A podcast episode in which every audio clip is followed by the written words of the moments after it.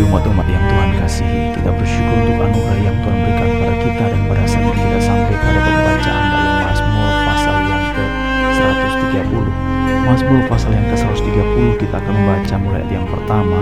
Mazmur pasal 130 ayat yang pertama sampai yang ke-8 Demikianlah firman Tuhan. Nyanyian ziarah. Dari jurang yang dalam aku berseru kepadamu ya Tuhan. Tuhan, dengarkanlah suaraku Biarlah telingamu menaruh perhatian kepada suara permohonanku. Jika engkau, ya Tuhan, mengingat-ingat kesalahan-kesalahan, Tuhan, siapakah yang dapat tahan? Tetapi padamu ada pengampunan, supaya engkau ditakuti orang. Aku menanti-nantikan Tuhan, jiwaku menanti-nanti, dan aku mengharapkan firman-Nya. Jiwaku mengharapkan Tuhan lebih daripada pengawal mengharapkan pagi lebih daripada pengawal mengharapkan pagi. Berharaplah kepada Tuhan, hai Israel, sebab pada Tuhan ada kasih setia, dan ia banyak kali mengadakan pembebasan. Dialah yang akan membebaskan Israel dari segala kesalahannya. Sampai di sini pembacaan kitab suci. Umat-umat yang Tuhan kasihi, Mazmur 130 adalah satu dari tujuh Mazmur yang disebut dengan Mazmur pengakuan dosa. Dan Mazmur ini juga memiliki keindahan karena strukturnya yang sederhana, tetapi ada pengulangan-pengulangan yang sangat baik sekali. Sebelum kita sampai kepada poin yang pertama tadi, kita pikirkan dalam Mazmur 130 pengulangan-pengulangan apa yang dimaksud. Misalnya dalam ayat 1 dan ayat 2, Tuhan, ya Tuhan. Kemudian ada istilah mengingat-ingat kesalahan siapa yang dapat tahan, padamu ada pengampunan. Lalu aku menanti-nanti, ayat yang kelima, jiwaku menanti-nanti. Lalu ayat yang kelima bagian berikut mengharapkan firman-Nya dan ayat yang keenam mengharapkan Tuhan. Ayat yang ketujuh berharaplah pada Tuhan. Ayat yang keenam lebih daripada pengawal mengharapkan pagi diulang lagi lebih daripada pengawal mengharapkan pagi. Jadi dengan pengulangan-pengulangan ini sepertinya bahasanya menjadi sedikit tetapi menekankan ketulusan, kesungguhan, kedalaman pengertian dan kerinduan yang sangat besar dari pemazmur. Itulah sebabnya Mazmur disebut sebagai Mazmur pengakuan dosa. Begitu besarnya keinginan dia untuk mendapatkan pengampunan daripada Allah. Tetapi juga, tapi sekaligus terkategori nyanyian ziarah.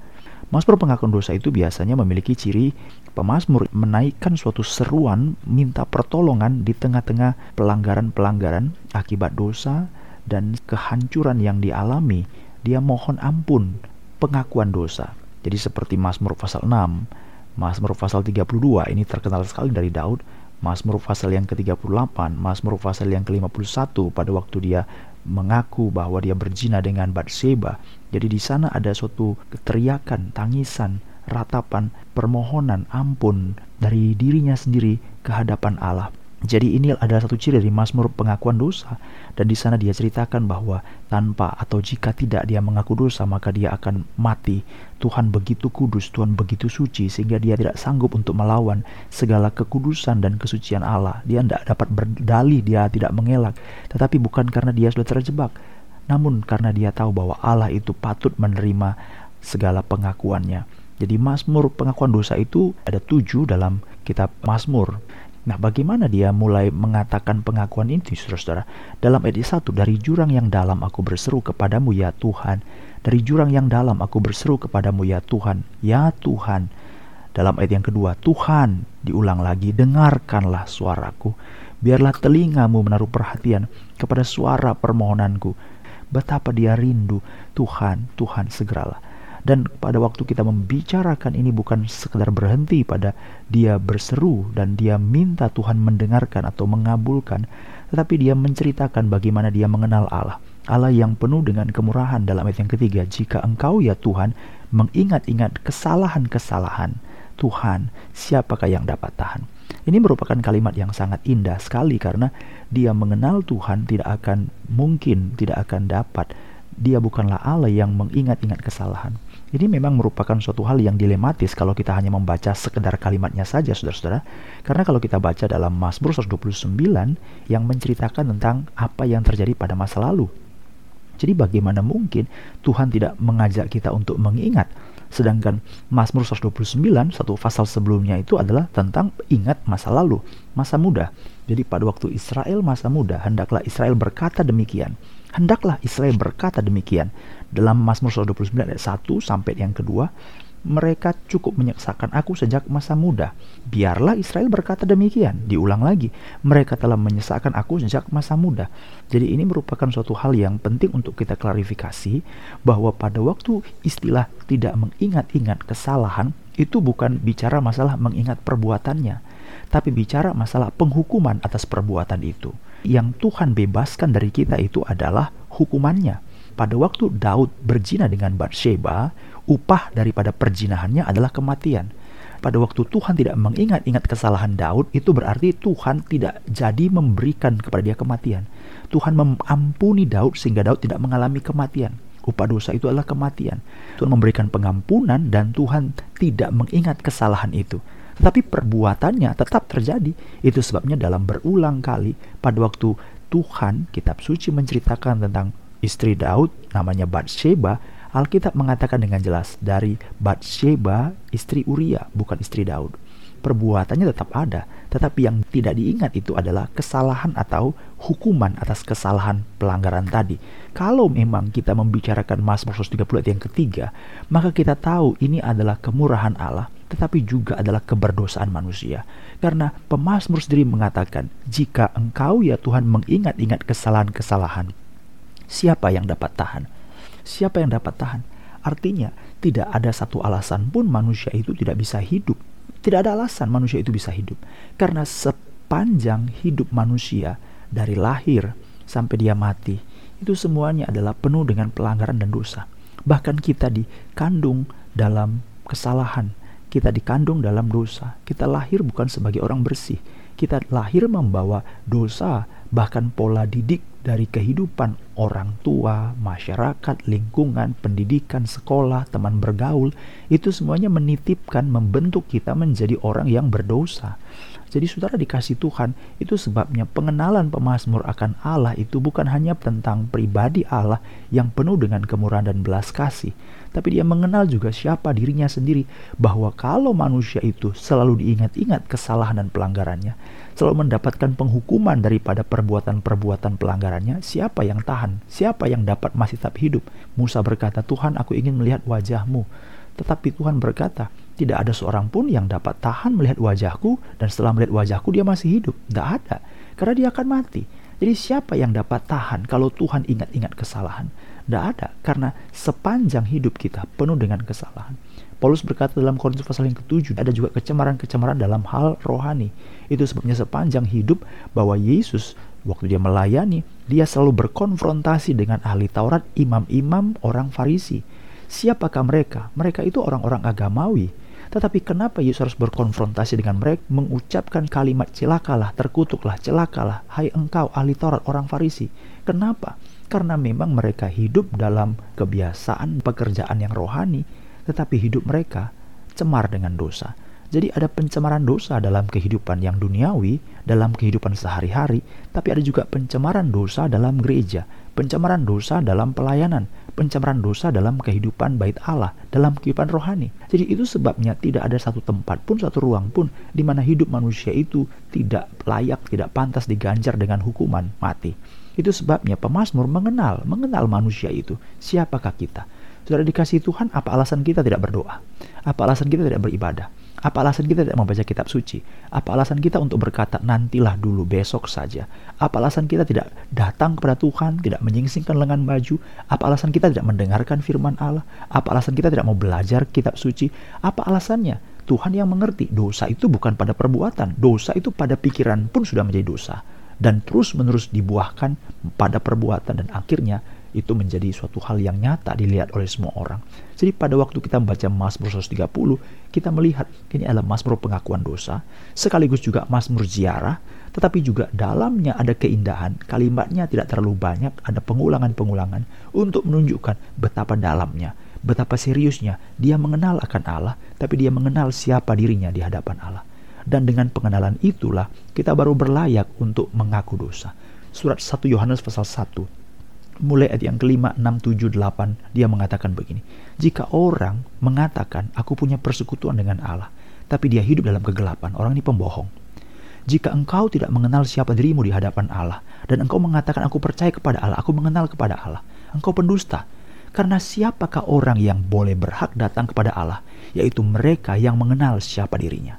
Itu sebabnya dalam Mazmur 130, pemazmur ini adalah orang yang sungguh mengenal dirinya. Dan kalau kita bandingkan apa yang disampaikan dalam Mazmur pasal 130 pada waktu pengakuan dosa, dia mulai dengan mengenal dirinya, di situlah dia baru mengungkapkan, memohonkan anugerah Allah.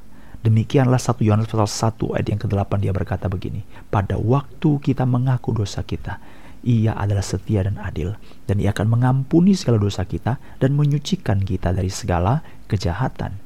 Jadi pada waktu kita membaca Mazmur 130, adakah di situ sebuah masa membicarakan masa pertobatan? Dalam Mazmur 130 ayat yang keempat, tetapi padamu ada pengampunan supaya engkau ditakuti orang. Kalimat ini merupakan kalimat yang penting, mengkaitkan takut akan Tuhan itu bukan kepada penghakiman yang di atas loh. Yang ketiga, jika engkau ya Tuhan mengingat kesalahan, siapa yang dapat tahan? Itu kalimat penghakiman. Nggak ada yang tahan tentang murka Allah. Nggak ada yang tahan tentang kemarahan Allah. Nggak ada yang tahan tentang penghukuman daripada Allah. Tetapi ayat yang keempat itu bukan ayat penghukuman, tapi ayat pengampunan. Tetapi padamu ada pengampunan. Dan kalimat pengampunan dikaitkan dengan apa? Supaya engkau ditakuti orang. Jadi apa artinya takut akan Tuhan? Takut akan Tuhan itu bukan karena engkau kebaktian supaya Tuhan jangan marah. Takut akan Tuhan itu bukan engkau berdoa supaya Tuhan memberkati engkau, bukan itu orang yang takut akan Tuhan, tetapi menggunakan istilah takut akan Tuhan secara motivasi supaya dia diberkati, supaya dia sehat-sehat, supaya semua dilindungi, supaya dia baik-baik, supaya apa yang diharapkan tercapai, supaya dicita-citakan itu boleh jadi. Semua pergumulan-pergumulannya boleh terrealisasi. Itu namanya bukan takut akan Tuhan. Karena pada waktu kita membaca bagian ini, takut akan Tuhan bukan dikaitkan dengan penghukuman, bukan dikaitkan dengan reward, bukan dikaitkan dengan hadiah, bukan dikaitkan dengan janji, bukan dikaitkan dengan apa yang ditabur itu yang dituai, bukan. Bukan dikaitkan dengan apa yang akan dia dapatkan karena dia beri sesuatu, bukan. Tapi takut akan Tuhan itu dikaitkan dengan anugerah, yaitu apa? Pengampunan. Pengampunan. Siapa bisa mengatur Allah untuk memberikan pengampunan? Tidak ada. Itu sebabnya pada waktu kita bicara apa artinya takut akan Tuhan. Ini bicara tentang pengampunan daripada Allah. Kita mengasihi karena Allah lebih dulu mengasihi kita. 1 Yohanes pasal 4 6. Kita mengasihi karena Allah lebih dulu mengasihi kita. Kita mengasihi bukan karena Allah memerintahkan pada kita. Kita mengasihi bukan karena kalau aku tidak mengasihi, nanti aku tidak dikasihi. Bukan itu. Tetapi karena pengampunan. Jadi pada waktu kita membaca Mazmur pasal 4, kembali lagi, ini bicara masalah pengenalan akan Allah. Tetapi yang kita ingin highlight dalam bagian ini adalah supaya ada takut akan Tuhan. Ini bicara masalah dia mengenal Allah, dia merindukan Allah, dia tahu tentang Allah. Ini bicara pengakuan dosa supaya ada masa di mana ada pertobatan, ada pengakuan, ada suatu hal yang dia takut akan Tuhan. Itulah pertobatan. Dan kalau kita baca ayat 5 dan 6, aku menantikan Tuhan, jiwaku menantikan dan aku mengharapkan firman-Nya Istilah firmannya di sini bukan kalimat seperti yang terus dalam kitab suci, tetapi itu merupakan suatu kalimat yang pada waktu Nabi Nathan itu datang memperingatkan Daud setelah Daud itu berdosa, pembicaraan perumpamaan tentang ada seorang yang kedatangan tamu dan dia mengambil domba dari tetangganya, padahal dombanya banyak sekali ya.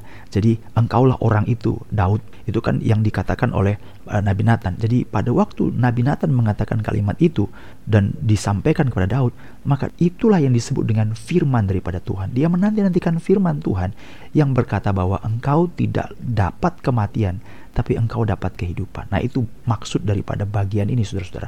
Ini yang dinantikan oleh pemazmur. Pada waktu kita membaca bagian ini ada pengakuan dosa, ada pertobatan, hal yang tidak bisa dilepaskan. Pada bagian terakhir dalam ayat yang ke-8, istilah disebut dialah yang akan membebaskan Israel dari kesalahannya. Istilah membebaskan ini juga saudara-saudara merupakan istilah yang dikutip dari Mazmur pasal 32 jadi kalau kita baca tadi pada waktu Daud itu ditegur oleh Nabi Nathan dalam 2 Samuel pasal 12 ayat 13, Nabi Nathan mengatakan engkau tidak jadi mati, engkau tidak akan mati karena engkau telah bertobat. Itu merupakan firman Tuhan. yang merupakan penghiburan. Tetapi kalau kita baca juga dalam Mazmur pasal yang ke-32 barangkali di situ itu dikatakan satu kalimat yang sama ayat yang kelima kepada Tuhan aku mengaku dosaku kepada Tuhan aku mengaku dosaku Mazmur pasal 32 ayat yang kelima dosaku kuberitahukan kepadamu dan kesalahanku tidak kusembunyikan Aku berkata, aku akan mengaku kepada Tuhan pelanggaran-pelanggaranku dan engkau mengampuni kesalahan karena dosaku. Mazmur 130 ini pengalaman pengenalan yang dalam sekali. Dan pada waktu itu kita tahu tidak ada pengakuan dosa kalau tidak ada pertobatan. Dan pada waktu Mazmur 130 menceritakan pengakuan dosa dan dia juga menceritakan pertobatan yang dikerjakan. Pengakuan bukan sekedar mengaku, ya aku berdosa, aku minta maaf, aku salah, tapi ada pertobatan di sana. Dan itulah cara Allah untuk memulihkan umatnya.